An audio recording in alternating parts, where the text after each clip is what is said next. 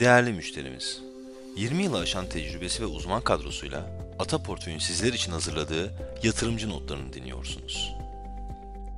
Herkese merhaba. Kredi derecelendirme kuruluşu Moody's, Türkiye'nin kredi notunu B3 olarak teyit ederken not görünümünü durağından pozitife çevirdi. Geçtiğimiz hafta BIST 100 %4.7 değer kazanarak 7986 seviyesine yükseldi.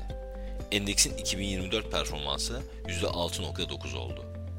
Küresel hisse senedi piyasalarında Amerika ve Japonya yükselirken diğerleri yatay seyretti. Emtia piyasaları ise karışık seyretti. Doğalgaz hariç enerji emtiaları ve baz metaller değer kaybederken kıymetli madenler yatay seyretti. Tarımsal emtialarda ise şeker ve pamuk değer kazanırken buğday ve mısır başta olmak üzere diğerlerinde düşüşler yaşandı. Ataportföy yatırım fonları arasında ise haftalık bazda en yüksek getiriyi %5.5 ile Ataportföy ikinci hisse senedi fonu sağladı. Fonun 12 aylık getirisi %109.4'e ulaştı. Türkiye kredi temerrüt takası tekrar 300 bas puan seviyelerinin üzerine çıktı. 5 yıllık Eurobond'un faizi ise %6.9 oldu.